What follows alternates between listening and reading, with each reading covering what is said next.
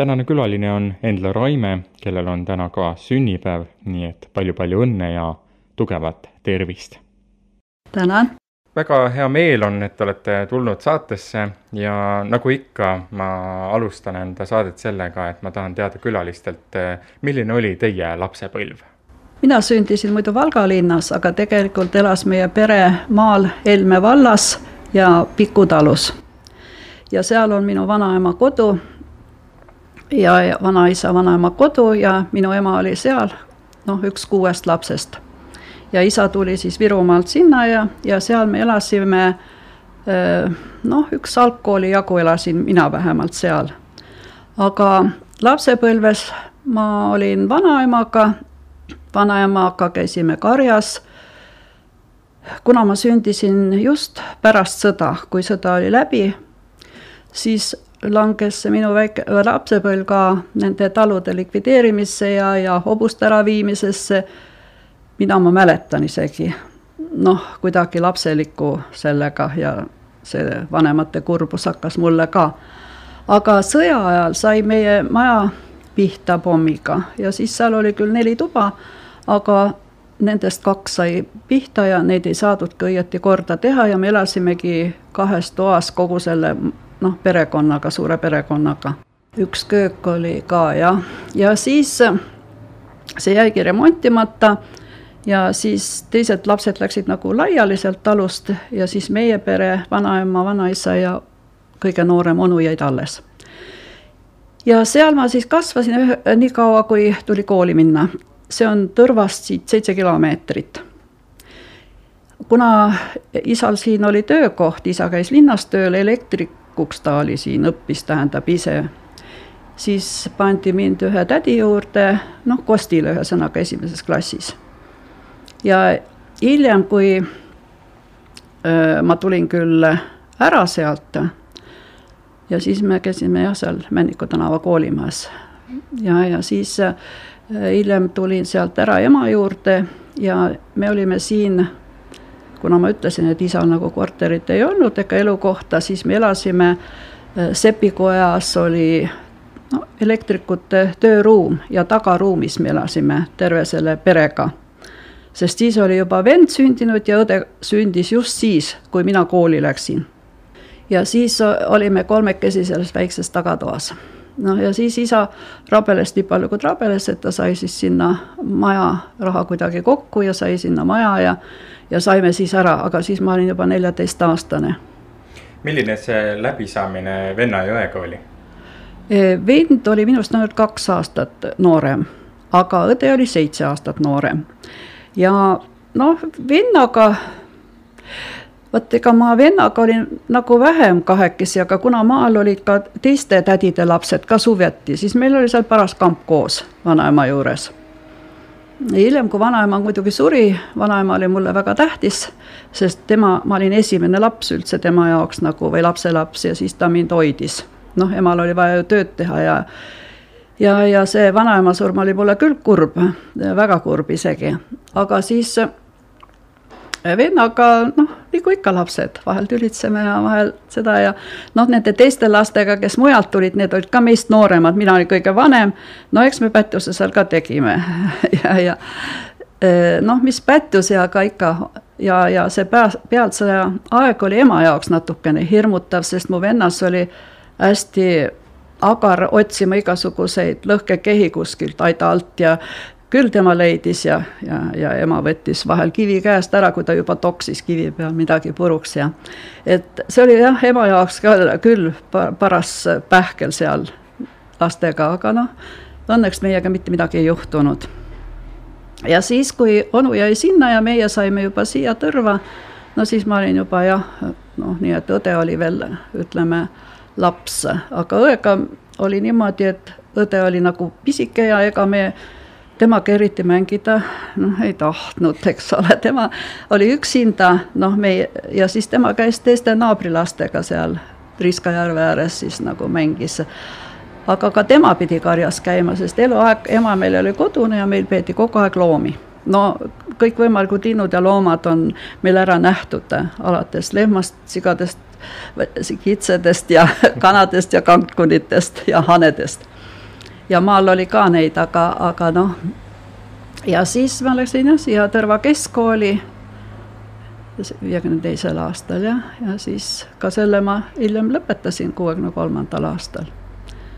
ja, ja siis noh, see ei oskagi öelda midagi muud, et noh, see vaba elu maal ja see loodus ja ja see moodustaski minu nagu lapsepõlve, et ma olin nagu niisugune unistaja ja ja, ja vahtisin pilvi, midagi muud teha ei olnud karjas ja teise talu kari oli kaugel, noh, me ei saanud neid kokku lasta, sest et meil läksid siis need lambakarjad segamini.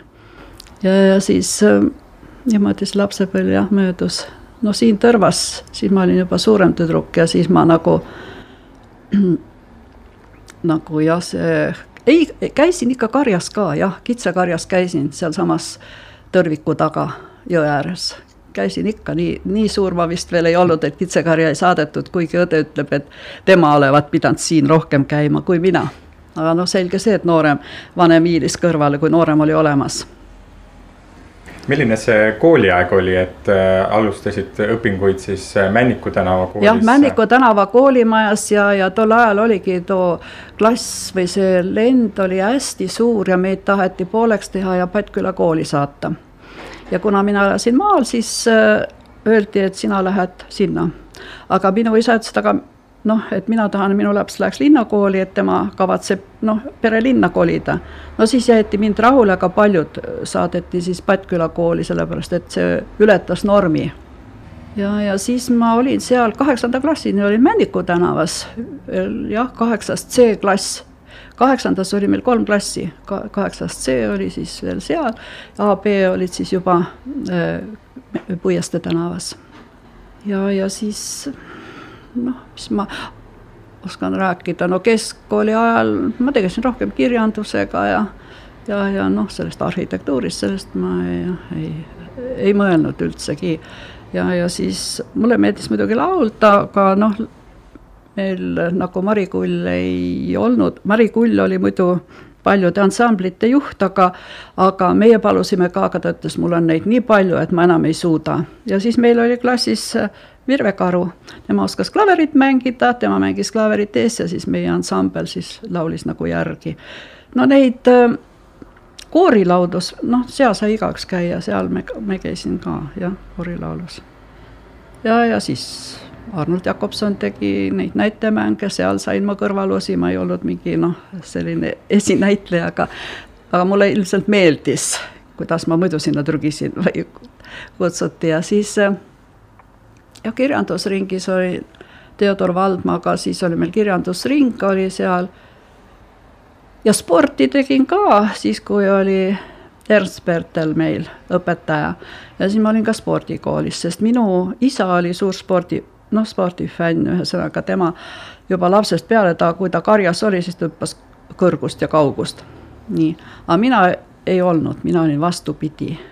vend oli sportla-, spordihingega, aga mina olin jah, selline nagu noh, rohkem muu huviline aga ikkagi spordikooli ma läksin, sest isa ütles, tervise jaoks on vaja sporti teha ja laps kuulas sõna. ja siis sai kõiki erialasid seal tehtud, tema noh, pallimängusid mitte, Ernst Pertel rõhus rohkem kergejõustikule. ja, ja siis ta tahtis mind must kõr-, äh, kõrgushüppajat teha, noh, mingisuguse tulemuse ma seal üheteistaastaselt sain, aga aga ei, mul jäi see O-jooks jäi nõrgaks ja ei, see kõrgusehüpe jäi väga kasinaks ja lühikeseks ajaks mul see. ja noh, nii see keskkool läks, sellest on juba jah, päris palju aastat möödas milliseid äh, mingeid krutskeid või pättusi koolis äh, tehtud sai? mina olin vist võrdlemisi tagasihoidlik, mina arvan, et mina pättusi ei teinud. jah, mina jah, teistel sääl, oh, ma mäletan seda, kui olid ülekoolilised need, äh, see lipu siia viis, viimine linnavalitsuse torni ja ja siis, kuidas meie klassitüdrukuid üle kuulati ja kutsuti ikka noh, kellel oli seal peika kuskil olnud, et kas sa tead midagi ja ja siis oli jah, niisuguseid väikseid, noh, kutsuti seal kedagi õppenõukogusse, nagu vanasti oli äh, selline, aga mind vist ei ole isegi nurka pandud. ja siis ma kuuendas klassis vist jäin haigeks, siis ma puudusin päris pikalt. ja, ja siis ikka sain edasi tolle klassiga istuma jäänud. ja ei, ma jah, ei, ma, kui ma oma iseloomustust lugesin, siis ma olevat nii vaikne ja tagasihoidlik olnud, aga teised arvasid, et noh, see on vale iseloomustus ju siis õpetajale jäi selline mulje milline see väiksena see unistus siis oli, et äh, kui mõtlesid selle peale, et kelleks tahaks saada, et äh, kui see arhitektuur hiljem tuli? Ma ei mõtlenud väiksena mitte mingi elukutse peale, aga kui ma olin juba keskkoolis, siis oli mul üks klassiõde Välguene, Välkene. Ja temaga me mõtlesime, et lähme näite, näitlejateks katsetele, aga tollel aastal, kui keskkool läbi oli, siis ei olnud vastuvõttu. noh, see jäi ära, muidugi isa oli ka vastu, ütles see mõne amet, eks ole, ja, ja noh, hää küll, ei saa, siis ei saa. ja siis, kuna ma olin kirjandusringis, no lähen siis eesti keelt õppima ja mitte õpetajaks, vaid ajakirjanikuks. nii, nojah, otseselt sisse ei saanud, siis oli hästi suur konkurss oli ülikooli selle eesti, noh, eesti keele teaduskonda. ja, ja sisse ei saanud, aga siis üteldi, et noh, kaugõppesse siis, no siis ma läksingi kaugõppesse eesti keelt õppima, no sai siis mul see ajakene nii kaugele, et kui tahad ajakirjanikuks saada, siis pead tööl käima. siis nõuti nagu praktikat ja noh, muidu läksid kõik üldjuhul õpetajateks, aga ajakirjaniku selle eriala võtmiseks, eraldi oli noh, nagu selline. ja siis öeldi, et peab minema praktikale. No siis ma läksin edasi toimetusse ja kas tööd saab? saab küll, tule kasvõi homme aga mul oli teine probleem, mul ei olnud kuskil elada ma olin noh, ühikas olnud küll, aga ma olin ju kaugõppes, mul ei olnud noh, ainult sessiooni ajal oli ühikakoht mul olemas siis ma hakkasin käima Tartust kortereid otsimas. noh, ega oi, sellest võiksin pika loo rääkida, mis majad ma kõik läbi käisin, mis urkaid mulle pakuti kalli raha eest. muidugi, ega ma käisin ise, ei mind vanemad, ei keegi ei käinud mind seal saatmas ja ma väsisin lõpuks nii ära mõtlesin, et oih, ei siia tööle ma küll ei saa tulla, mul ei ole kuskil elada.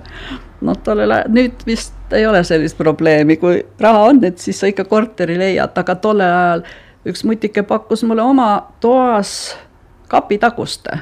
jah, et seal kapi taga võid magada, aga see emake või see noh, memmekene ei elanud oma majas, poeg elas suures noh, majas, tema oli seal õue peal kõrvalhoones, noh, puumajakeses, tema tahtis noh, siis raha saada, et võtab mind siis sinna, sinna kapi taha. aga sealt ma tulin kah tulema ja, ja niimoodi mul see lõppes, see suur ajakirjaniku elukutse lõppes.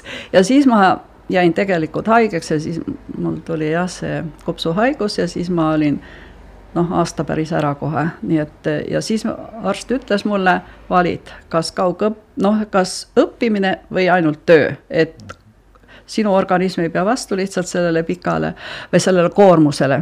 siis ma mäletan küll, et ega see eesti keele õpe seal ülikoolis kerge ei olnud, sest et mul olid seal Ariste ja, ja siis kõik noh, see Tõrvast õppejõud ja no tohutu kirjandus, mis pidi kõik läbi lugema ja meelde ka jätma ja ja ma enne lapsepõlve kohta ei rääkinud, meil ei olnud maal peaaegu praktiliselt, lugema me õppisime, aga raamatuid tollel ajal ei olnud. noh, eks see sõda oli kõik puruks kah ju, või tähendab, kõik asjad olid ju kaotsi ka läinud, sest nad põgenesid äh, ära sõja eest, meie omad ja, ja praktiliselt tulime tagasi purustatud majja ja asju nii palju, kui kaasa võet-, võtta jõuti, nii palju oli. Ja, ja pärast isa hankis küll hästi palju raamatuid, kui me ikka noh, siia linna tulime, isa oli kah ikka raamatuhull. aga, aga siis meil ei olnud seal midagi, ma olin õnnelik, kui ma esimest pildiraamatut nägin. See oli mingi ime, aga ma ise joonistasin jah. Ja siis lunisin teisi, et näidake, kuidas joonistatakse, aga keegi ei tahtnud joonistada, näidata mulle eriti, nad ei osanud vist, nad häbenesid millised need äh, hobid veel olid, et, äh, et peale siis sellise laulukooris käimise ja no laulmise? ei no põhiline, mis mulle meeldis õudselt joonistada, jah, mul olid kõik raamatud tagakaaned täis kritseldatud ja, ja ma noh, tähendab mitte kritseldatud, aga mulle meeldis joonistada inimeste nägusid. ma ei tea, mis noh, vaata igal inimene, üks joonistab hobuseid, teine koeri, mina joonistasin inimesi profiilis, mitte otse.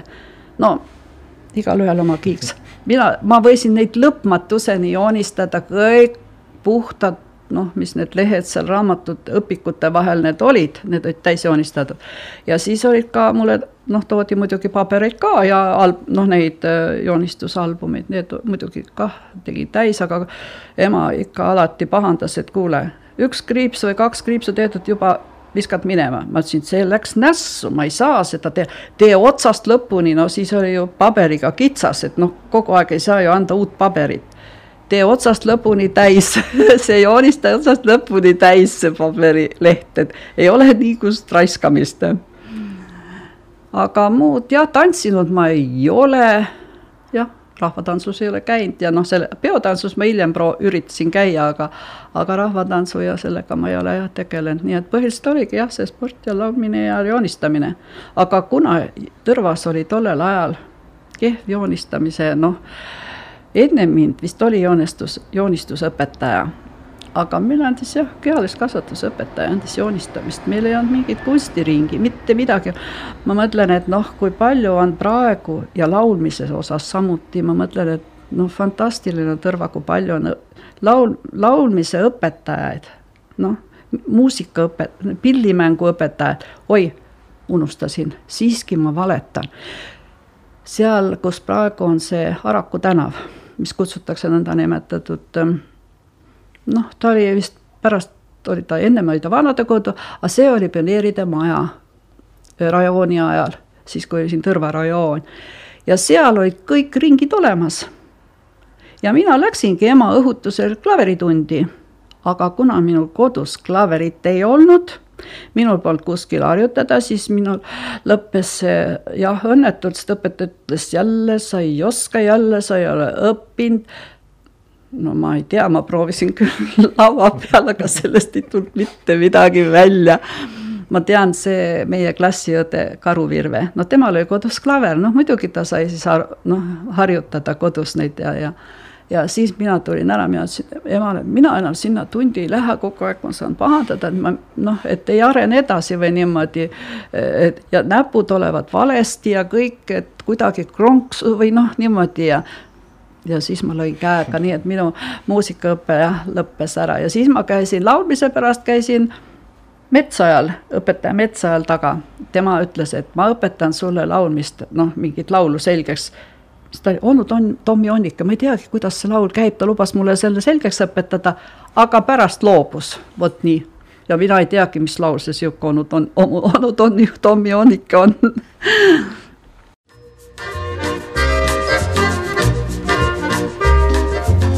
väike tüdruk olin ma, sõitsin isa põlvel, mulle gloobust näitas ta ja siis ütles mulle, siin on mered, siin on maa, papagoid ja ahvid. väike tüdruk otsemaid kõike näha tahtis neil. aastad läksid, tüdruk nii suureks kasvanud ongi, sõita võib ta lennukis, autoga ja rongis, Varssav, Budapest, Bukarest ja Praha. varsti oma silmaga näha saan ma võõraid maid maailm läbi lauluga uusi sõpru leian nii. tervisiivi Eestimaal minu hoogne lauluviis. veel jääb näha paljumaid rahvaid, riike tundmatuid. rongid, autod, laevad, lennukid, mind kaasa võtke nüüd.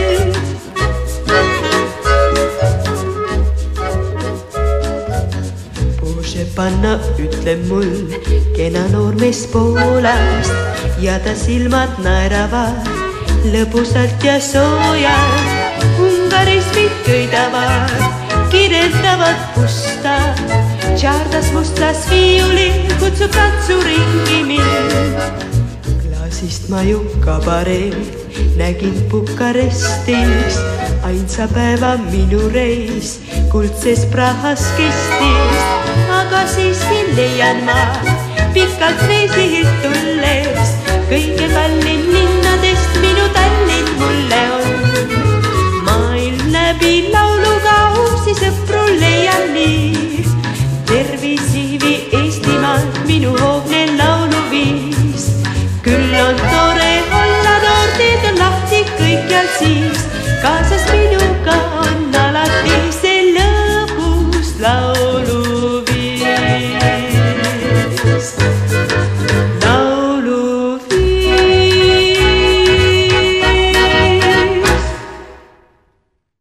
Tõrva raadios on käimas saade Väärikate klubi, minu külaliseks on Endla Raime.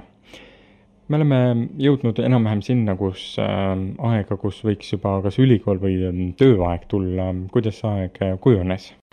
pidin kooperatiivi minema, aga KEK-is oli projektgrupp ja, ja sealt siis kutsuti, otsiti joonestajad, kellel on noh, käsi, kes viitsib ja tahab joonestada ja joonistada. ja keegi sokutas, et noh, et äh, seal on üks, kes joonistab, aga ei, ei saanud sisse otsesesse, et ta nüüd on noh, kaugõppes, et noh, võib võtta tööle kalkeerijaks. ja vot võib-olla sealt sai minu al-, noh, alguse minu side ehitusega üldse. See Valentin Nõmm oli selle projektgrupi juhataja ja, ja tema võttis mind enda juurde ja praktiliselt ma õppisin koha peal joonestama, küsisin igat asja, igat pulka, mida see tähendab.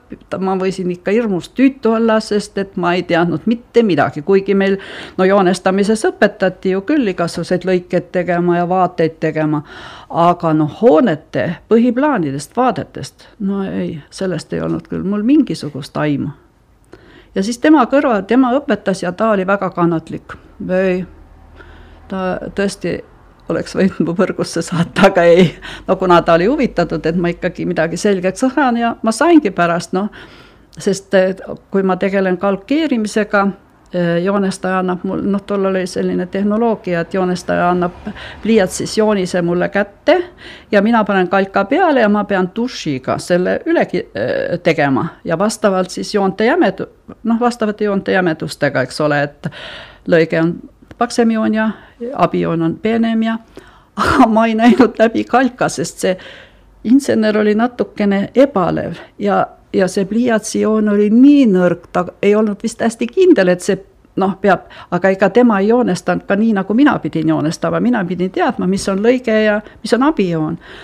no sellega ma pusisin ikka päris kaua, enne kui aru sain, et noh, mis tuleb jämeda joone ja mis peene joonega teha ja ei näe kah veel läbi, siis mul käis kogu aeg kalka jälle üles, siis vaatasin alla, mis seal on. vot selle, sellise, noh, sellest jah, sellest esialgsest projekteerimisest, oh, see oli ikka jube algtasandil, kui nüüd võtelda sellega, mis praegu on.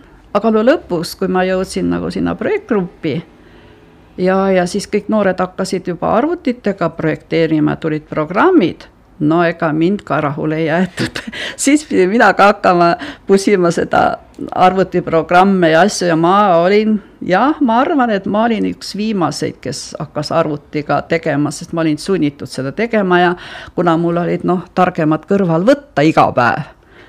Me käisime ka kursustel, no selle nädalase kursusega sai sa mingit programmi selgeks, eks ole, see on igapäevane töö, kus sa küsid jälle, mis, mis see teeb ja mis too teeb aga siis vahepeal oli ka ju ikkagi uuesti ülikooli tee ja et, saada. ja, ja, ja no seal on vahepeal jälle segadust palju, sellepärast et äh, projektgrupp äh, kaotati ära, see vana projektgrupp. ja siis äh, öeldi, et noh, kaks kalkeerijat meil oli, Siina Novikova.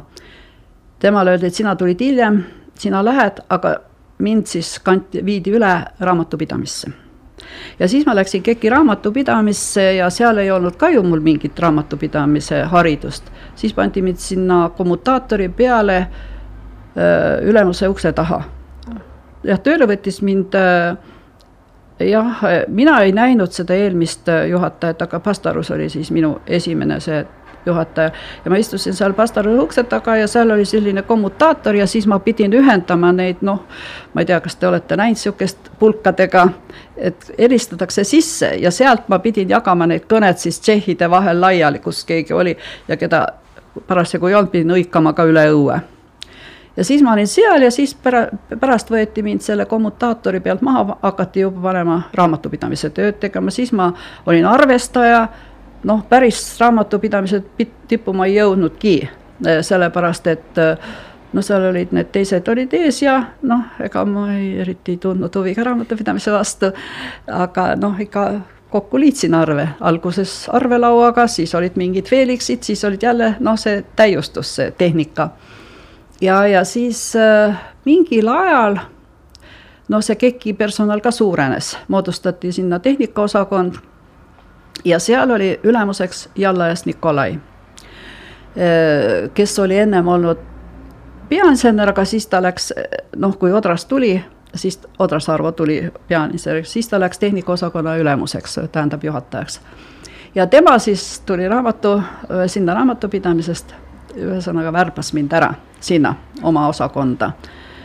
ja aga noh, oi, nimetus oli minu ametil peen, ma olin lausa insener kuigi mul ei olnud inseneriharidust ega midagi ja siis ma olin finantsist, siis ma käisin pankade vahet, käisin kolhoosides ja sovhoosides neid, no meil olid kolhoosid põhiliselt, lepinguid sõlmimas nende äh, direktoritega ja üleüldse dokumentidega tegelesin ja siis ka äh, kontrollisin neid sissetulevaid projekte nii palju, kui ülemus kõike tegin, mida mulle ülemus käskis, ühesõnaga, aga nimetus oli jah, finantsist ja ma vastutasin nagu selle eest, et need äh, ja kontrollisin ka töödejuhatajate tehtud nagu tehtud tööde akte, aritmeetiliselt, mitte sisuliselt. noh, hiljem me käisime inventuure küll tegemas, aga põhiliselt ikka sisuliselt jah, või tähendab eh, noh, aritmeetiliselt.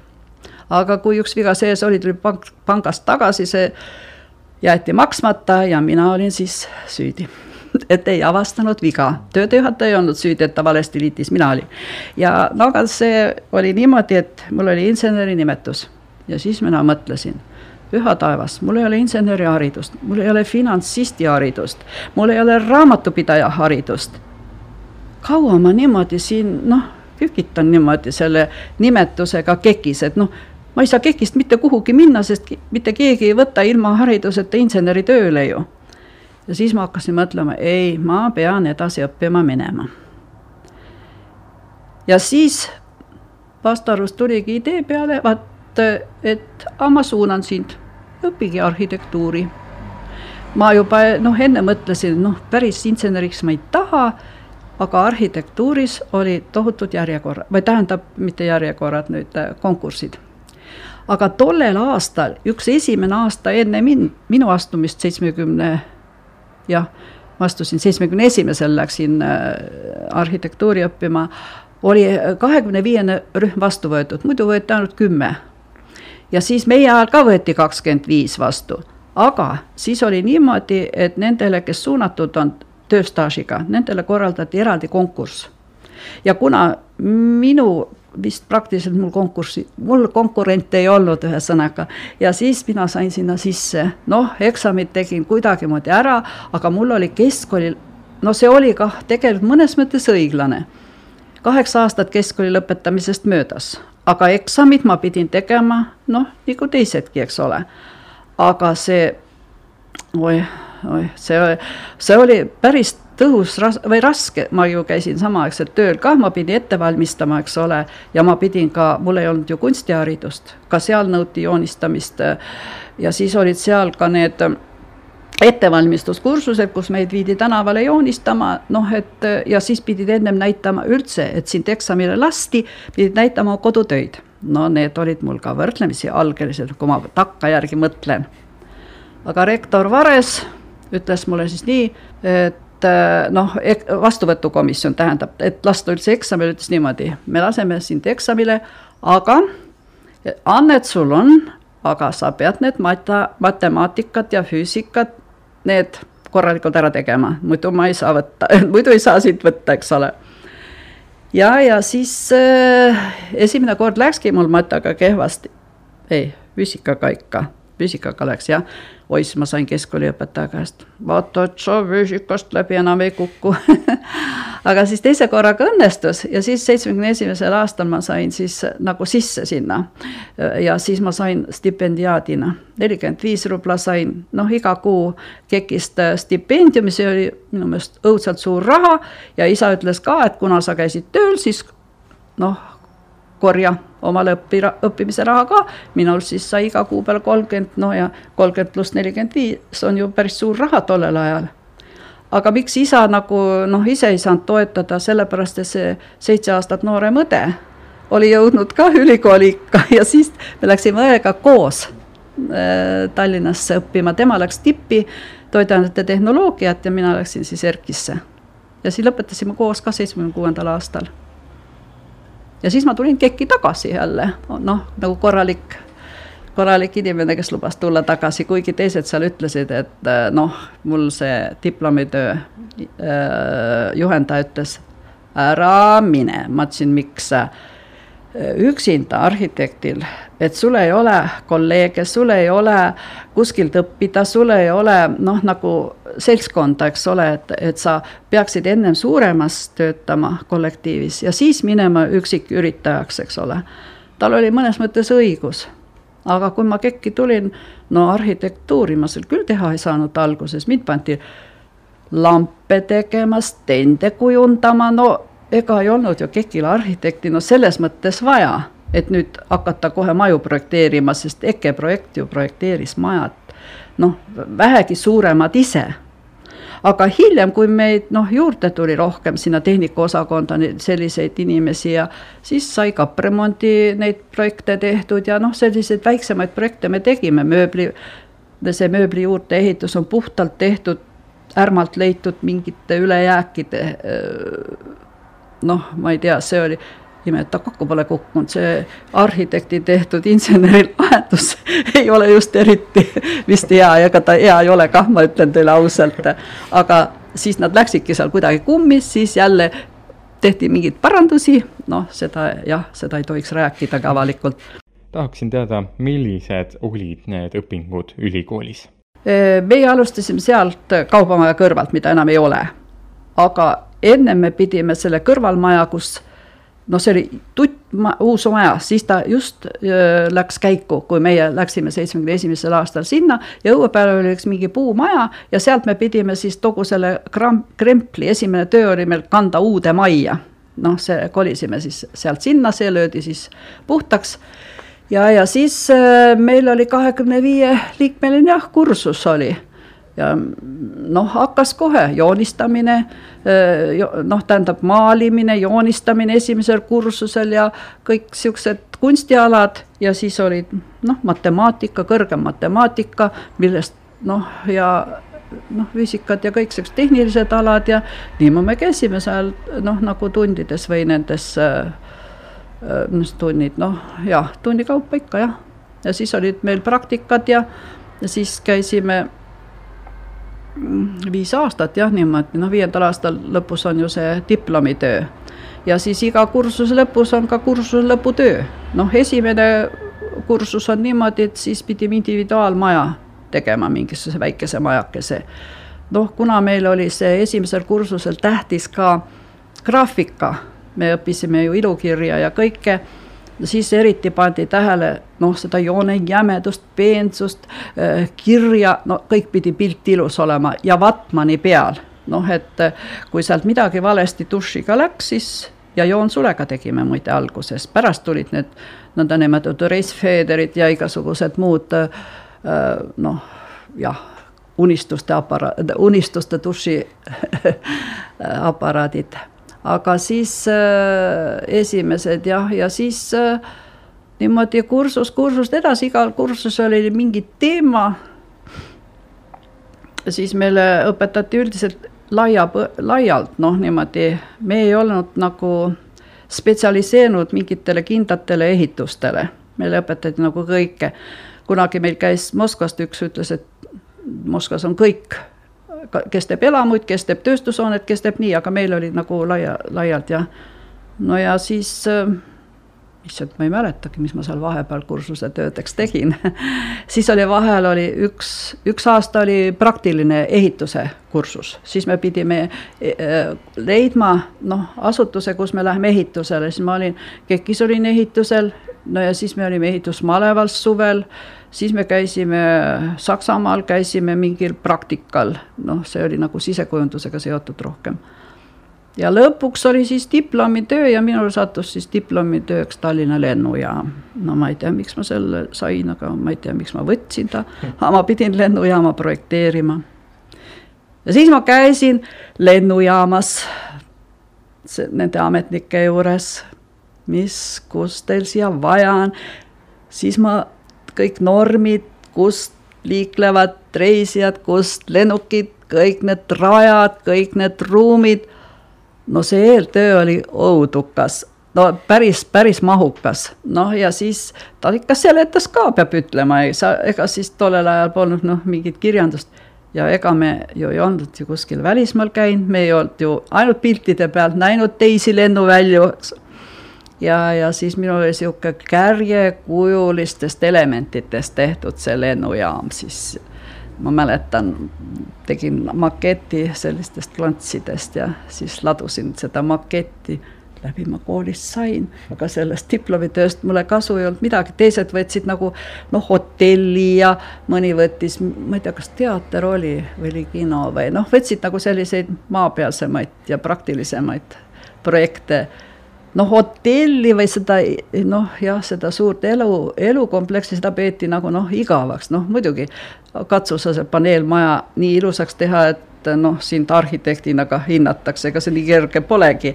ja tolleaegsete materjalide juures veel, no materjaliõpetust meil natuke oli, aga kui ma mõtlen sel, praeguse aja materjalide peale ja tolleaegse õpetuse peale, no see oli ikka noh, müür ja telliskivi ja betoon ja puit ja metall no selliseid materjale tol ajal ju ei olnud.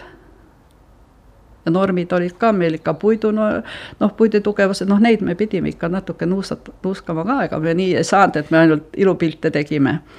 aga kuna me olime jah, niisugust arhi-, noh, nagu kunstnike tüüpi rohkem, siis jah, ikka parem oleks, kui oleks noh, nagu insener kõrval, eks ole aga osa lasidki jalga sealt arhitektuurist, sellepärast üks läks täitsa kunstnikuks ja siis see Jaan Pärn, see teeb praegu ehteid, nii et ega kõik ei jää, no ja ma ei tea, Tiit Kõrvits vist ikka töötab noh, ka arhitektina. aga jah, ega paljud ei tööta, aga, aga peab ütlema, et ikka töötavad, isegi Ignar Fjuk, kes poliitik vahepeal oli minu kursakaaslane, see on nüüd juba ikka tegeleb veel arhitektuuriga, noh küll planeerimisega vist linna, linna seal. et selline kursus meil oli jah, et äh, igaüks oli omaette indiviid ja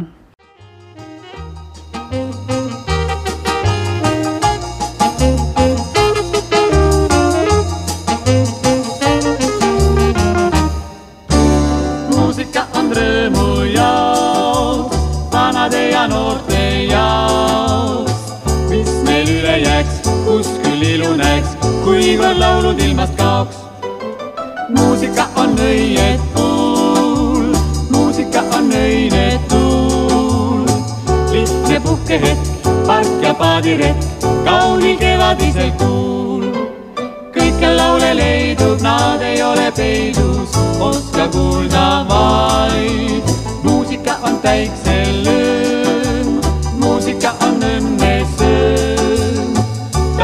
lõputu ikka jälle uus on kui armastuse rõõm, ta ainult kinni püüa, kinni püüa, kui veel oled noor, ta enda juurde hüüa, juurde hüüa, et siis minna koos.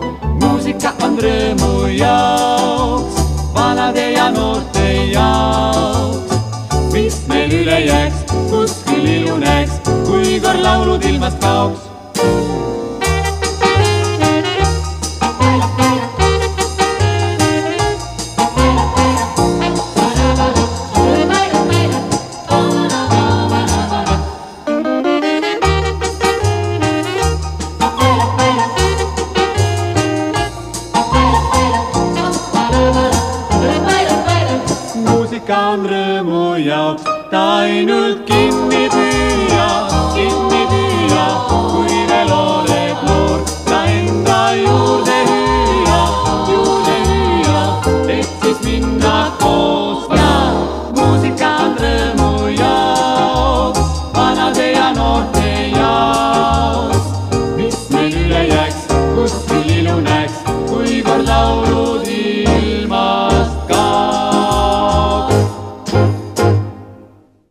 Terva raadios on käimas saade Väärikate klubi ning äh, oleme õpingutega ühele poole saanud ja tahakski teada, mis sai pärast ülikoolis õpinguid? no siis ma otsustasin ikka, mul oli see Toivo Kallas oli see projekti juhendaja sellel lennuväljal ja siis tema ütles, et et ma vaatan sulle koha Pärnus on koht olemas, mine sinna.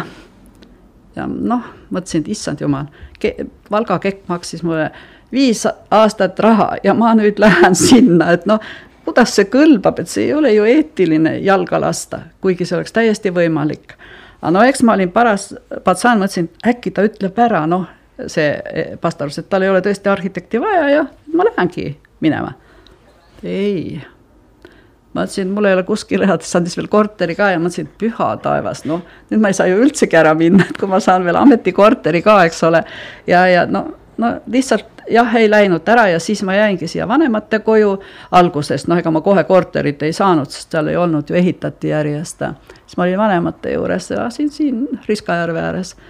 ja, ja, ja siis, ja siis nii ma jäigi sinna, nii nagu noh, ütleme see KEK-i projektgrupp kasvas järjest, seal oli kalkeerijaid ja insenere ja kõiki tuli ja Tiiu Loormann tuli ju KEK-i ja, ja siis seal teisi ka noori Ain Vagula, pastor võttis Ain Vagula tööle, väga andekas mees oli ja, ja meil oli seal päris suur punt oli.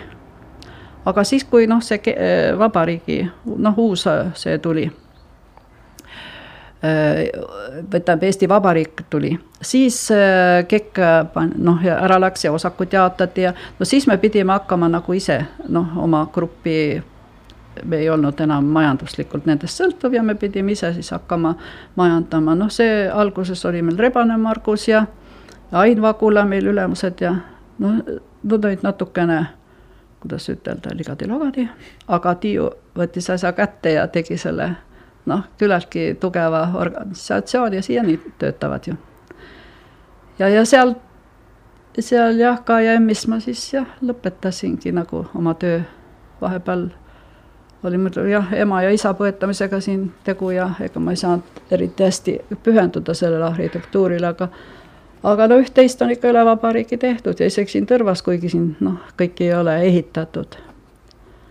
aga jah. no Tõrvas on kõikidele ilmselt teada ja tuntud üks, üks objekt on Tõrva kaarsild, kuidas see sündis?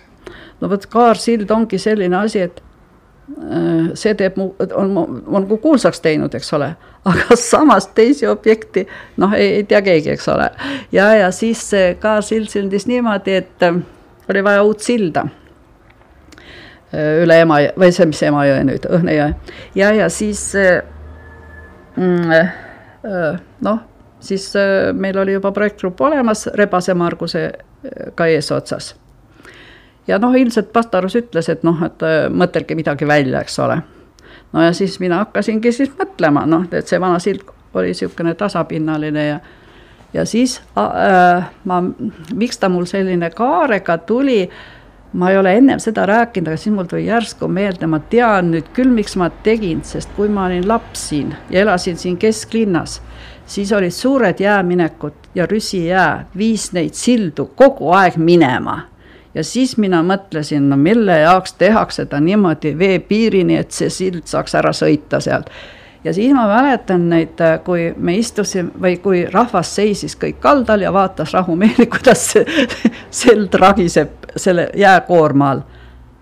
Aga no mis sellest kasu oli, nüüd rüsijääd ei ole ju jälle see sild sai nagu, aga noh, ja siis me hakkasime, ma hakkasin siis tegema jooniseid ja ma tahtsin ikka, et mulle õudselt meeldis kaarsild, kaarekujuline.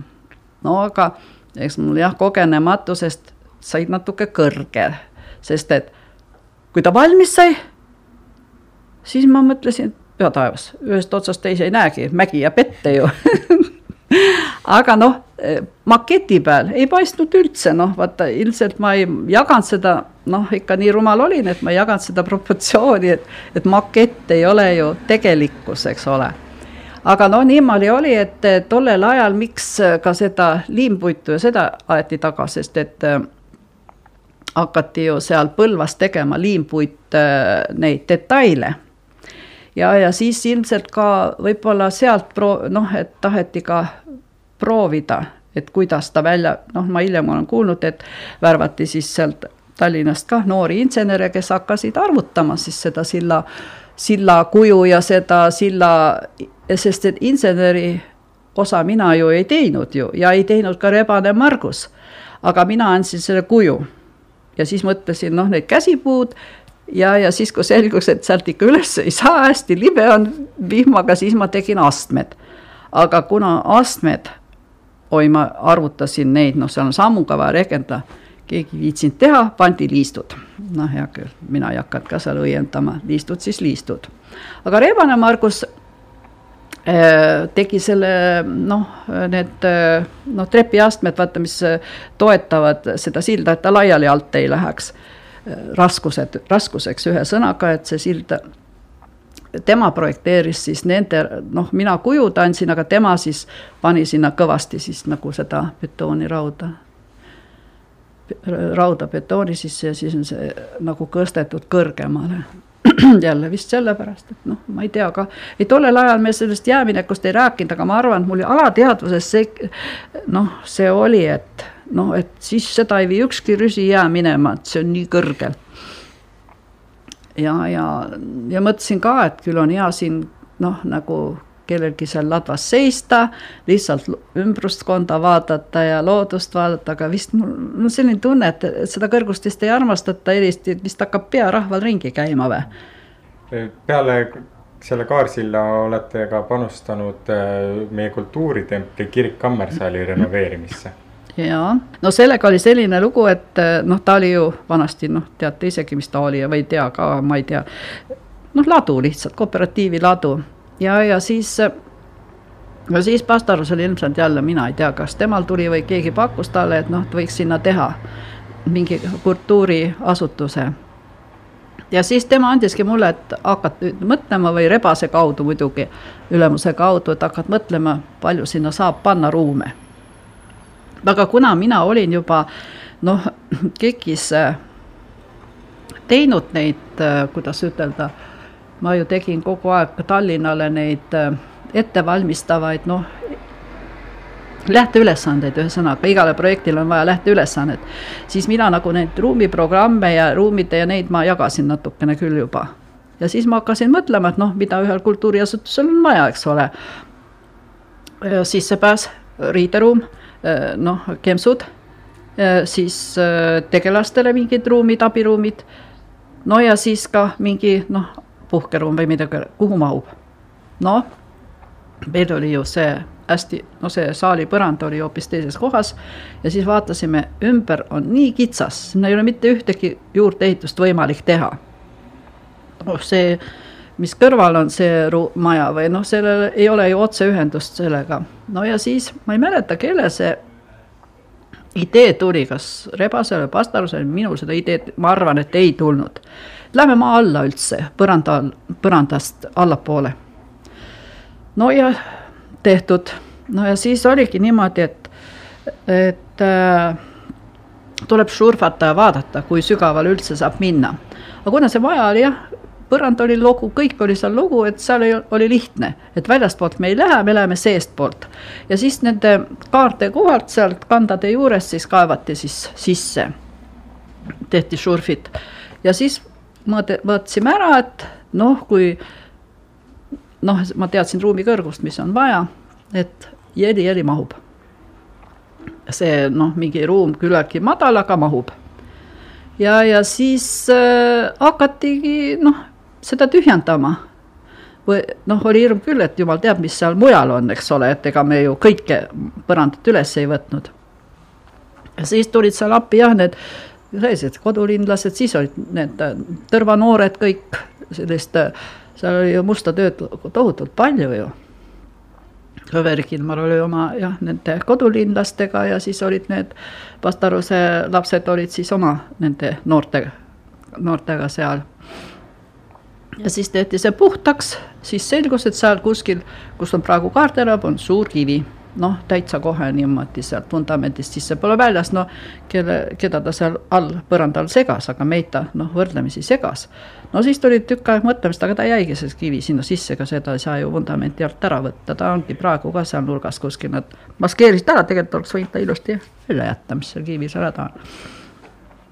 ja siis, siis mina panin selle põhiplaani paika, selle saali põrandat ja kõik ja ja, ja siis no ja siis vastavas ütles, et noh, lõpeta projekt ära.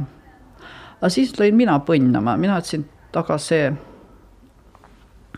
äh, katus ja laki, et noh, et ma nagu inseneri mõtte või noh, et ma ei julge seda teha, kukub pähe või midagi. ja siis äh, andsin oma need algmaterjalid Viljandisse, siis Viljandi EKE projekt hakkas siis edasi tegema ja, ja siis ta tegi niimoodi, et ähm, seal oli väga tugev insener ja väga kohusetundlik, tema tegi kõik selle katuse konstruktsioonid ja, ja laekonstruktsioonid. ja siis mina, me lülitasime veel programmi tollel ajal.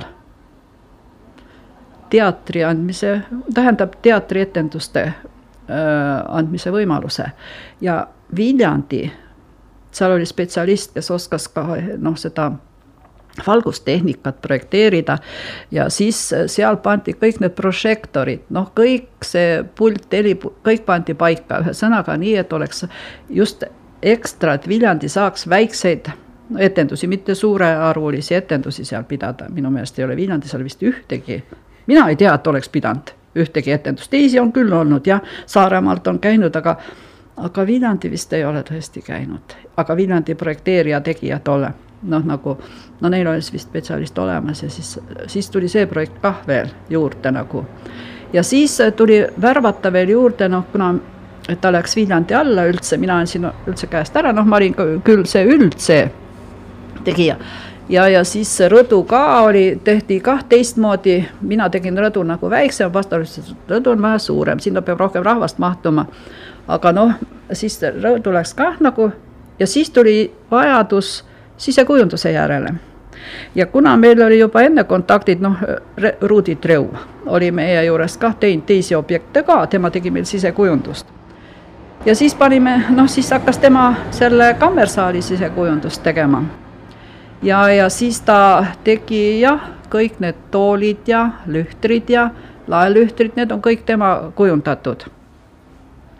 ja, ja käepidemed ja, aga siis tuli võimuvahetus, siis tuli Pastoruse asemel Odras ja siis hakkas noh, nagu see uus, uus kah juba kummitama, see nagu rahaline pool ka ja siis noh, uus ülemus ütles, et sinna Kammersaali läheb nii palju raha, et see on võimatu ju, et noh, et ühe objekti peale nii palju raha raisata, eks ole. ja, ja siis Tallinnas tehti need vaskasjad, no vask, ütleme lühtrid saadi ära teha, need tagu, noh, need saali, selle lava omad ka saadi ära teha ja ja toolid on noh, need tehti muidugi mööblivabrikus, aga just need äh, vaskosad, sest et juba see vase hankimine oli omaette probleem Vene ajal, sest et ega seda vaske polnud nii vabalt saada ju, siis ma ei tea, kust see kõik välja ajas ja viis Tallinnasse sellele meistrile selle vase. aga kuna Odras keeldus maksmast sellele noh, sellele vasemeistrile ja üldse sellele, siis see vasemeister jättis selle vase endale töötasuks lihtsalt. no selle ülejäägi, no ma ei tea, milline ta siis noh, igatahes need noh, paljud asjad, niisugused pisidetailid, käepidemed, need vasest ja need jäid tegemata, ühesõnaga. seal jäi palju vidinaid tegemata. ja, ja siis niimoodi, siis läks ka see Treuruudi ära, noh ka temale enam ei, noh, ei antud nagu palka ja siis, aga ta töö oli enamuses tehtud. ja, ja siis niimoodi lõpetati ta ikka ära ja anti käiku ja noh, siiamaani töötab. Millised need äh, objektid üldse on, et tegelikult siin äh, Tõrvas on ju vähe neid objekte, mida teie olete teinud, et äh, kui palju neid objekte üle Eesti üldsegi on ja millised need suuremad ja tähtsamad teie jaoks on? noh, Valga linnas ma tegin seda, noh, detailplaneeringut tegin ka väga palju, selle linnapargi detailplaneeringu. siis ma tegin Inva, Invaühingule üks maja seal, mis tänav see ongi rekonstrueerimise ühesõnaga, seal on igasugused äh, juurdeehituse tegin. Äh, arstide maja, seal, äh, see on see tänav, mis on see kallaku peal astmeline maja, seda me pusisime, see anti meile rebasega poolikuna kätte, ta oli enne mingit tehtud ja siis ma hakkasin seda pusima seal ta on erinevatel tasandil, ma ei tea, kas ta üleni on asustatud ka, aga seal siis sai tehtud peenemaid korterid küll leiliruumidega ja kõik siuksed, noh, seal ma tegin neid välimust ja ka ruumi, ruumi planeeringut tegin. too oli võrdlemisi raske, raske maja, sest ta oli tõesti astmeline, kutsutakse arstide majas, see on kohe seal gümnaasiumi vastas või ei, nüüd on ta põhikool, põhikooli lähedal seal kusagil aa, siis me tegime ju seda põhi, seda nojah, praegust põhikooli juurdeehitust tegime ka ju. Jah, Aini, Ainiga kahekesi, no nüüd too on nüüd vist ehitatud uute projektide järgi, toda meie järgi vist ei ole palju ehitatud, sinna sai ju oh, seda ujulat laiendatud ja, ja igast asju tehtud juurde. noh, mujal on muidugi Kuusalu, Kuusalu spordihoone on meil tehtud Põltsamaale tegime võimla, võimlat me ikka oleme teinud, jah. kui palju see projekt, mille arhitekt kavandab ja kui lõpuks siis ehituseks läheb, kui palju ta üldiselt siis äh, võib muutuda selle kõige käigus? noh, ma võin siit, äh, ei no ikka, ikka muutub sellepärast, et võib-olla detailides ja ehitusmaterjalidest kõige rohkem. aa, siin Tõrvas on ju see noh, seal see spordisaal on ju kah üks esimesi minu töid tegelikult, see sisekujundus on isegi ja need keertrepid on, need on täp-, noh, seal ei olnud ühtegi sisekujundust, seal ma tegin küll otsast lõpuni ise. mingi alusprojektiks oli mingi tööstus mingi hall, noh, betoon see. Ja siis ma hakkasin sinna ümber moosima, no pärast muidugi tehti neid aknaid kinni ja ta oli liiga, noh, päike käis silma ja kõiksugust probleeme oli. aga too, too on küll täiesti minu tehtud. Ja siis on see, siis ma tegin seda, kus praegu on kohvik, tõrvatilk, hmm. eks ole. Ja see mõeldi alguses ju kaupluseks. Ja, ja mina tegin ta kahetasandiliseks, noh et ja see õhuruumiga, no see algpõhiplaan on minu tehtud sealt, eks ole no seda, seda, mis siin on nüüd see, kus praegu on see hooldekodu või see haiglamaja, no sinna ma tegin noh, nagu oh kõrva, noh, sii-, oota, mis ma seal tegin, kiirabihoone või mitte kiirabihoone, vaid kiirabiruumid olid minul projekteeritud sinna kõrvalhoonesse ja sinna oli vanakestele saun tehtud ja igasugust kiir-. aga no seal ei ole elus kiirabi olnud, see kiirabi oli ikka selles põhihoones ja pärast ta läks ju sinna. aga see jäi täitsa teostamata ja see Araku tänava majale tegin ka projekti, aga see on ka teostamata, see äh,, sinna pidi tulema kah mingi sihuke, kus oli vaja ratastooliga sõita otstest. ja siis üks projekt, mis on kah maatasa tehtud, on see, kus on praegu seal Riiska või selle mm, Maxima poe taga ju oli aiand ja ma tegin sinna aiandi uue hoone, kus olid need äh, noh, selline klaasist müügisaal, taga olid need kasvuhooned ja siis olid need äh, mõeldud noh, ütleme nagu kommun-, nojah, nagu haljastajatele tööruumid, traktorid ja kõik siuksed masinad, kus sai hoida, no umbes nii nagu praegu on seal Männiku tänava kandis, et sellised ruumid, aga need ei jõudnud ka vist seintest kuigi kaugele ja nad on nüüd täiesti maatasa löönud ja seal on nüüd see elektri või tähendab päikesepaneelide koht, aga jah, too, too kah on jah niimoodi, et niisuguseid kohti on ah,, mis Peeterland, ma olen projekti, seda bensiinijaama seal ikka hakkad välja mõtlema, siis ikka leiad mõne nii et muudkui, muudkui tuleb juurde niimoodi. ja väi, väiketööne surma ja väravad ja oh jumal, ikka mõtled jah, midagi leiad, aga aga kui palju on neid asju, mis äh, ongi, projekteeritakse ära, aga ikkagi kaugemale ja ehituseni ei jõuta? Noh, ikka noh, nagu ma siin ju ette lugesin, ega paljusid ei jõutagi. alles üks päev käis see Araku või mitte üks päev, vaid aasta või tagasi käis see Isbert, kes ta on Araku tänava projekti nõudmas, ma ütlesin, et see oli paberi peal, kust mina tean, kus ta nüüd on. et tema hakkab üles ehitama, mõtlesin küll, et sellest ei tule midagi välja, see on ikka liiga kulukas. et noh, mujal ka ikka jääb ja siis me vahepeal ehitasime metskondade hooneid jah, metskonnahooneid oli vahepeal, ta tuleb nagu noh, O-kaupa, vahel on need spordisaalid, siis on hea teha ju, siis on kõik need normid peas ja hea teha.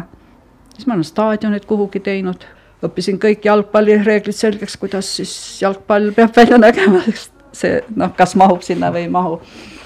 nüüd ei tea enam tuhkagi, kõik meelest läinud ei no minule meeldib põhiplaane teha, sellepärast et noh, need vaata need kollektiivid, kollektiiv kinkis mulle sellise särgi eelmine aasta. arhitekt annab ruumile mõtte, nii.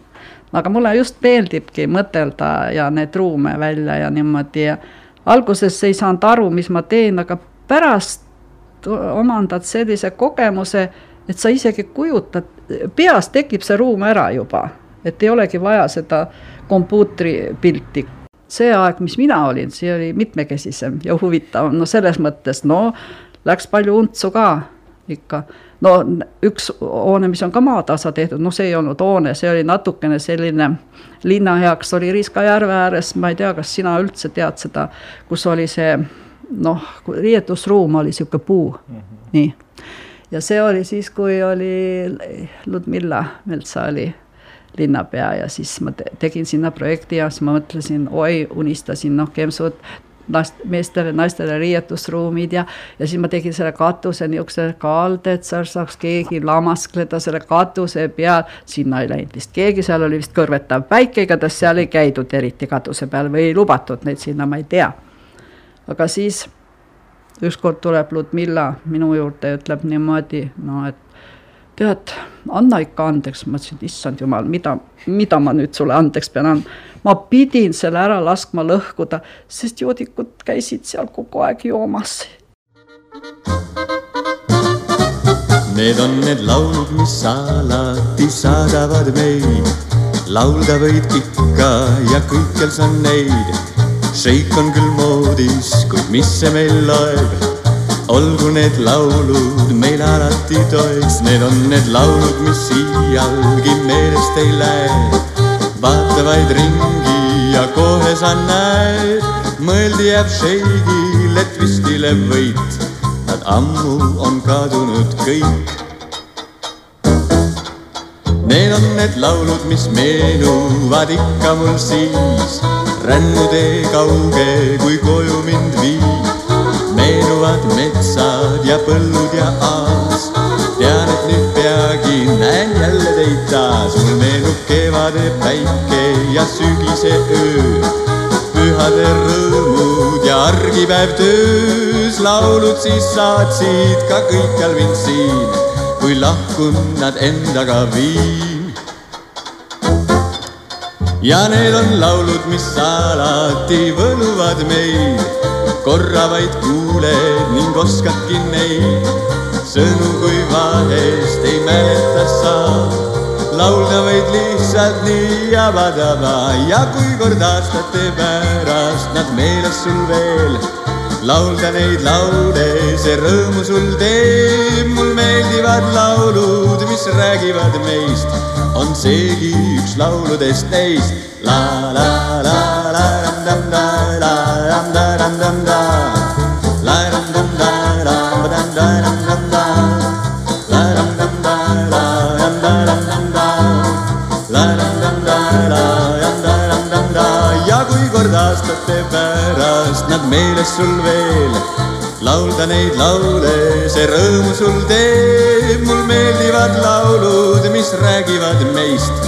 On seegi üks lauludest neist, on seegi üks lauludest neist.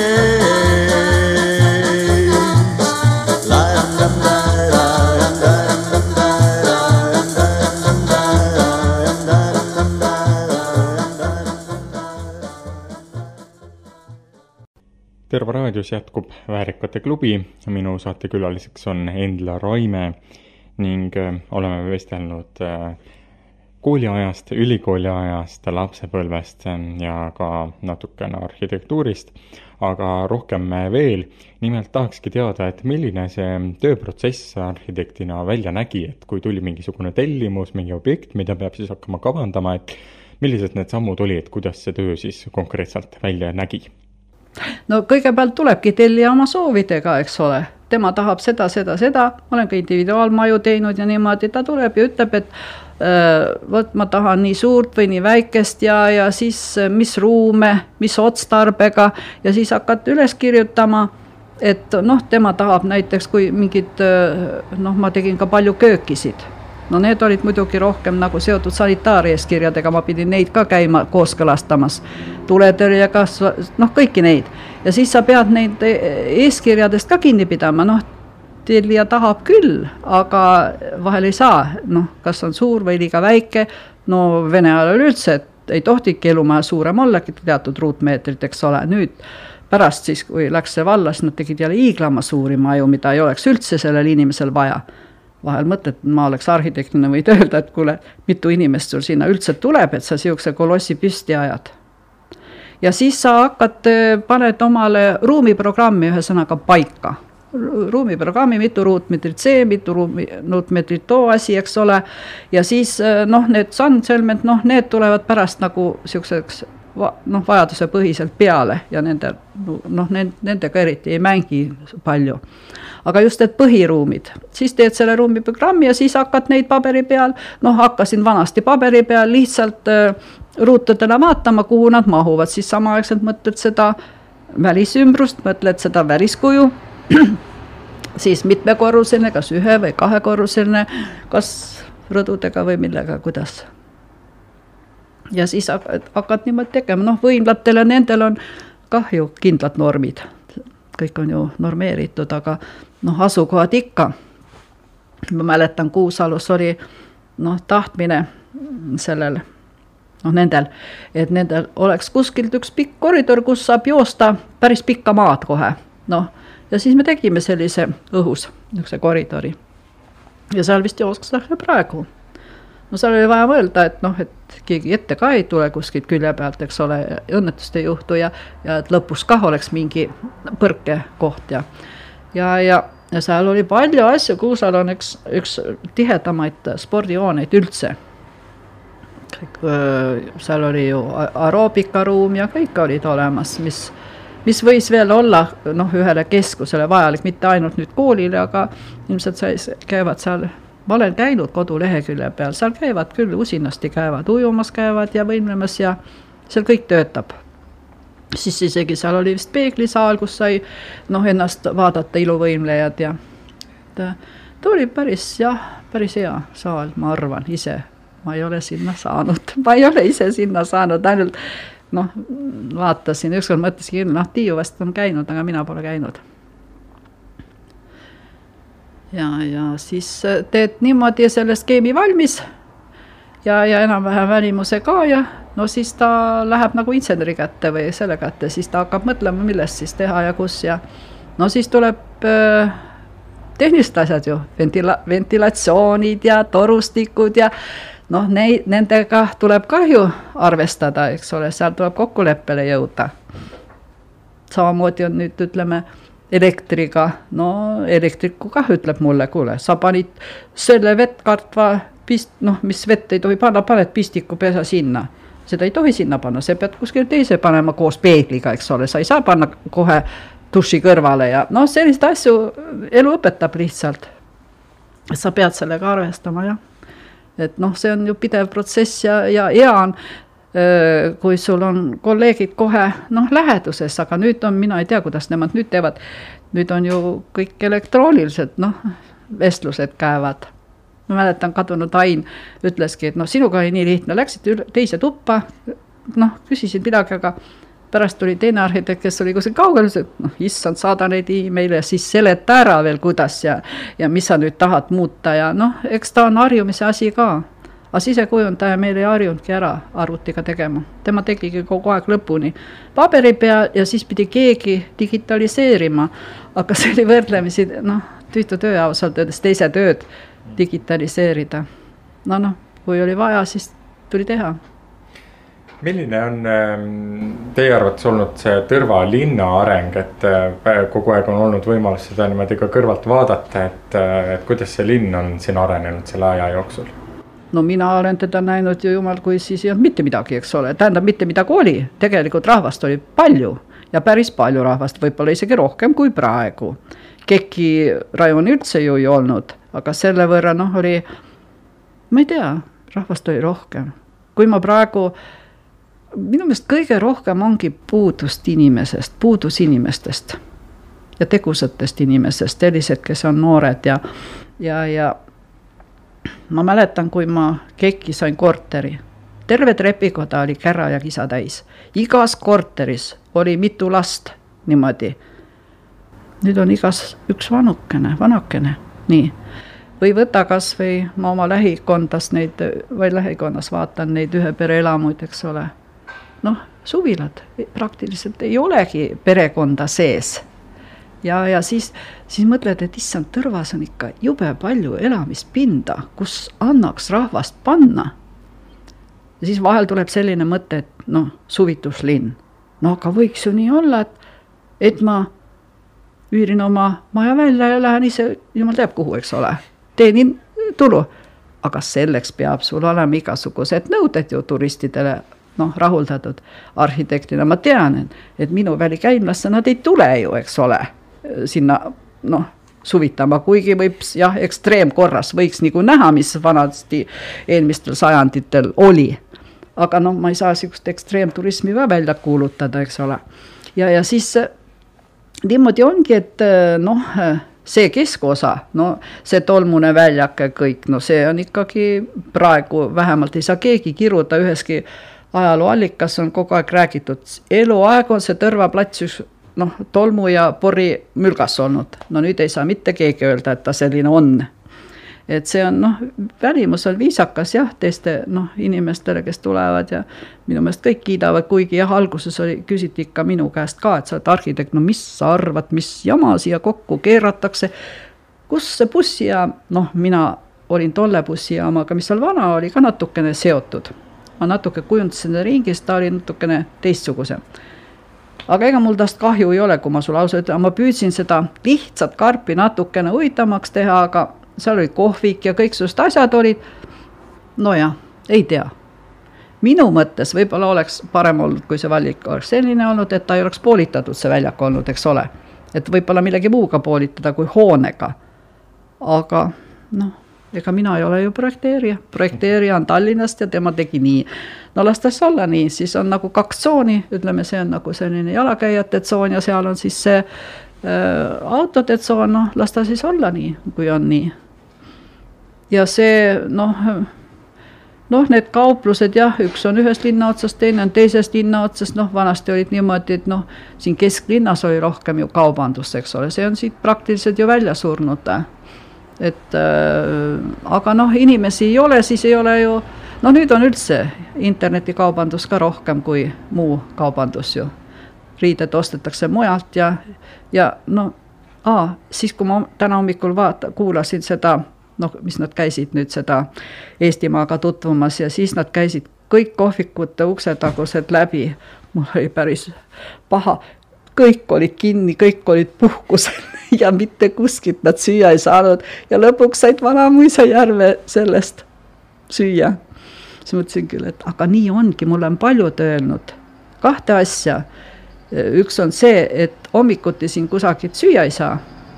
ja teine asi, mis noh, aastaid tagasi minu käest küsiti kogu aeg kuhu ma võin panna oma selle noh, et ei ole kämbikut, kuhu ma võin oma selle noh, selle järelveetava sellega minna, kust ma saaksin vett ja elektrit.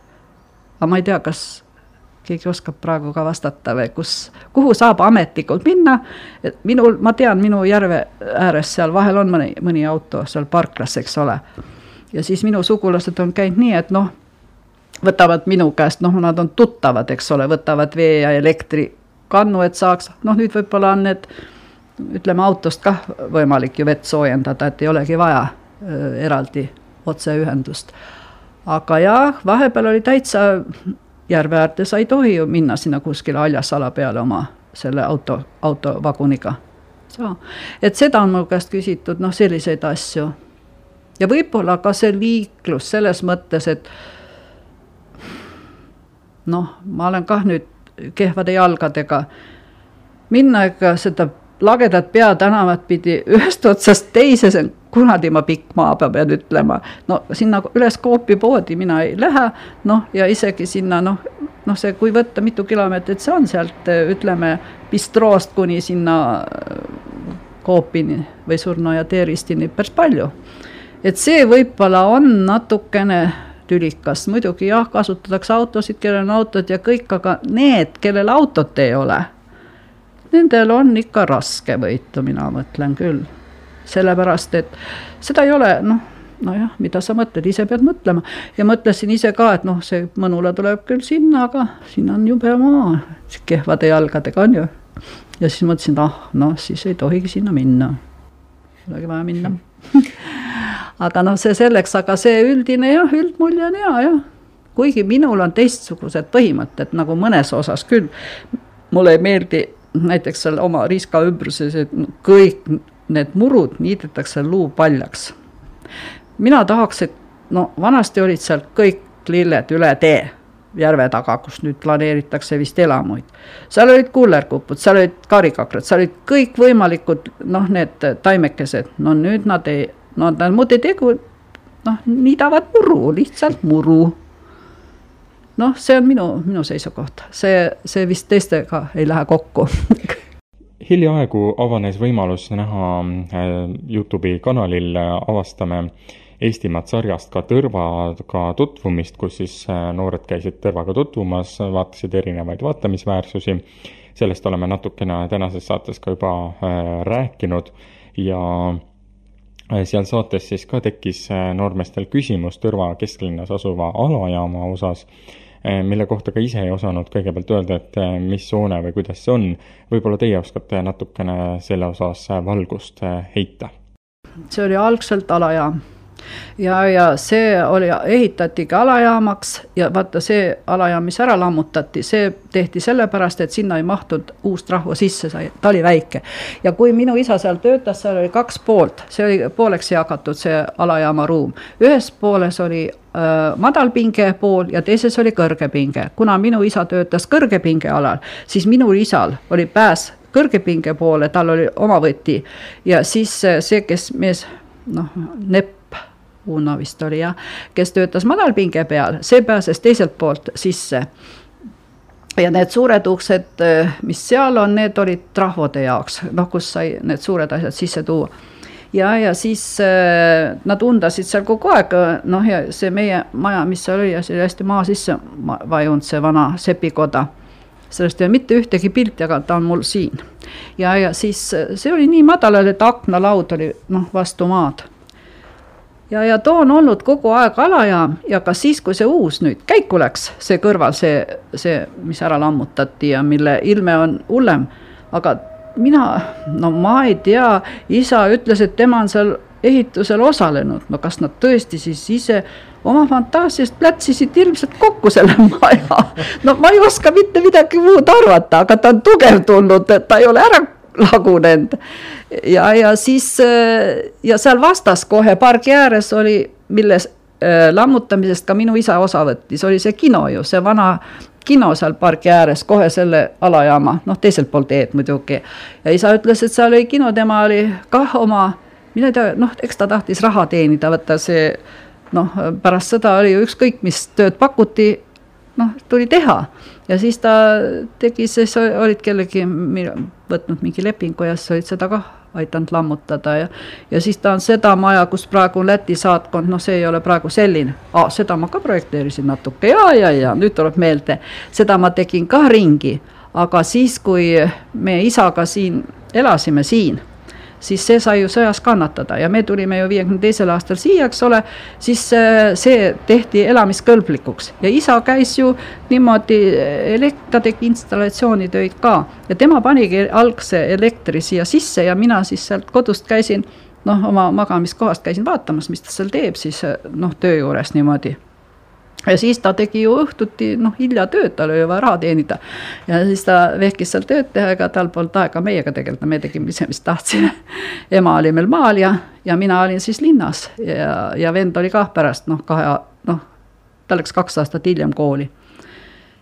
ja, ja siis toon jah, puhas ala ja ja see, mida nad nüüd vaatasid seda, kui, kui sa oled seda videot näinud, eks ole, mis nad tegid, siis nad olid seal selle politseimaja juures see on eluaeg olnud Viilitsa maja.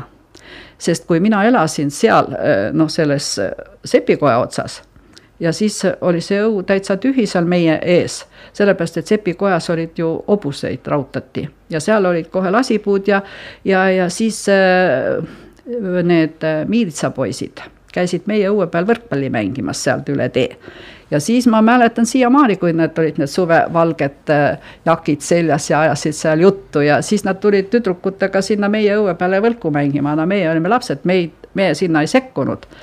aga meie äh, jah, ja siis oli üks maja veel, mis on ära lammutatud. see meie majaga risti ja puukuur ja kõik seal oli noh, terve krater niisugune. ja see oli jah, täitsa, aga see järgmine maja, see oli natuke kummut-, kummituslik maja. see, mis on nüüd äh, miilitsast siiapoole, eks ole, see oli julgeolekumaja, seal käidi aru andmas. seal elasid miilitsad ja siuksed tegelas, tegelased. see oli jah, sünge maja meie jaoks, tähendab noh, vanarahva jaoks, teised ei tea ju midagi, mis seal noh, enne oli, aga see oli jah, julgeolekumaja need äh, lapsepõlve hobid, äh, näiteks joonistamine, laulmine, kui palju need äh, tänapäeval sinuga kaasas käivad? ei ole aega midagi teha. tähendab, joonistanud ma olen noh, neid postkaarte, vanasti ma tegin kõiksuguseid postkaarte ja mul on värvid olemas. aga kuna nüüd ma olen jäänud sinna isa ema majja üksinda, see on peaaegu kolm tuhat ruutu ja, ja siis mul lõpeb jõud enne otsa. tead, siis kui sa tahad kunsti teha, siis sul peab vist tõesti olema metseen või kes teeb söögi ära ja teeb noh, kõik valmis, aga kui ma hommikul jah, jalad on ka kanged ja kui ma siis üles tulen ja kui ma pean selle aia kõik niitma ja talvel kütma ja aga ma ei tea, miks muidugi seal olen, sest mul on ka korter olemas ja ma võiksin ka seal noh, lesida ühesõnaga aga ju mul see maa, maa noh, ja lilled, no kuda ma jätan nad sinna vedelema ja kuivama, praegu kuivavad seal, seal on praegu elus põrgukuumus. ma käisin hommikul vara maasikaid korjamas. Nad on nii tulihapud mul, et ma ei julgenud, ma mõtlesin, ma toon siia, mõtlesin, ma ei saa neid ise ka süüa. tulihapud, no miks nad on selline sort ja ma olen ostnud sellise kaubandusliku sordi, mis ei lähe pehmeks ilusad, läigivad, tumepunased, no aga ainult suhkruga süüa saab ja nüüd mul tegele-, ongi, tegeleme seal, lõika hekki, pea, noh, ma ei tee, ma teen seda lillemurru seal rohkem ja, ja siis äh, suve, noh, lilli on mul aed täis ja õunapuid ka täis ja no ma ei tea, mul ei jätku lihtsalt aega. mis on äh, see, mis teid praegu õnnelikuks teeb? Kõige tähtsam on tervis, et ei oleks noh, mingit jama. aga eks ma loodust, loodus ja kuule, noh, mul on see koht nii piiratud, noh, ma tahaksin rohkem liikuda. aga see, sellest ma tunnen palju puudust, aga noh, eks ma piirdun selle vähesega, mis mul seal aias ja, ja, ja, ja, ja vahel, kui keegi võtab kaasa, viib ja ma tunnen sellest puudust, et ma ei saa metsa, marjule, ma ei saa kuhugi noh, vanasti ma võtsin ratta, jalgrattaga, sõitsin sinna lapsepõlve koju metsa, ma käisin ihuüksinda seal soo peal murakaid ja mustikaid korjamas. nüüd ma ei saa enam rattaga ka sõita, see nüüd paar aastat, no lihtsalt ei saa ja kõik, jalg ei tõuse pedaali peale, noh. aga sest, et isa oli ka meil noh, mõnes mõttes rännumees ja me õega ka tal oli see külgkorviga mootorratas, noh, asutuse poolt antud, sest ta pidi riketel käima ju elektrikuna. ja, ja siis, aga noh, ta kasutas ikka oma otstarbeks ka, siis meil üks oli taga, teine oli korvis ja siis põrutasime jälle kuskile ja see oli noh, tuul vuhises ja igavesti kihvt oli käia niimoodi, autot meil pole kunagi olnud. kui mina tahtsin autojuhi lube Kekis kästi teha, siis, siis ma lõpetasin haiglas, siis avastati, et mul on kopsus auk ja ma pean minema noh, ütleme haiglasse hoopis autojuhi lubade asemel. ja, ja võib-olla ongi hea, et ma seda autojuhti ei saanud, sest ma õudselt kardan, et keegi läheb ette ja noh, ma olen jah võta ajevil, unustad ennast ära ja parem võib-olla jah, et oleks võib-olla midagi jama keeranud kokku autojuhina. aga liikuda ja sõita ja käia, ma olen käinud nüüd kõveriku üritustel kogu aeg, nii palju kui ma saan, tema on niisugune, et on ikka buss ja saad minna ja saab minusugune ka minna, vahel üks lükkab ja teine tõmbab ja saab ma mäest ka ülesse. aga ta on noh, niisugune jah, arvestav inimene ja kellega on hea käia ja jah, loodusmatkad ja, ja need on hästi täitsa huvitavad ja, ja noh, eks siis vaatad telekast mõned noh, neid päris seebikaid ma ei vaata, aga neid Eesti seriaale ja filme ma ikka vaatan ju ja ja noh, praktiliselt jah, ma elan üksinda ja noh, mõnes mõttes on hea, mõnes mõttes paha, eks ole, noh, nii et jah, aga vahel olen ma niisugune rõõmsameelne, vahel kurb, ma olen niisugune kõikuv vahelduvalt, nii kuidas on, jah no nii nagu me kõik, aga suur-suur tänu selle vestluse eest ja, ja saatesse tulemast. palun. Hea kuulaja selline saigi tänane Väärikate klubi, järgmine saade on eetris juba nädala pärast. seniks aga olge terved ja kuulmiseni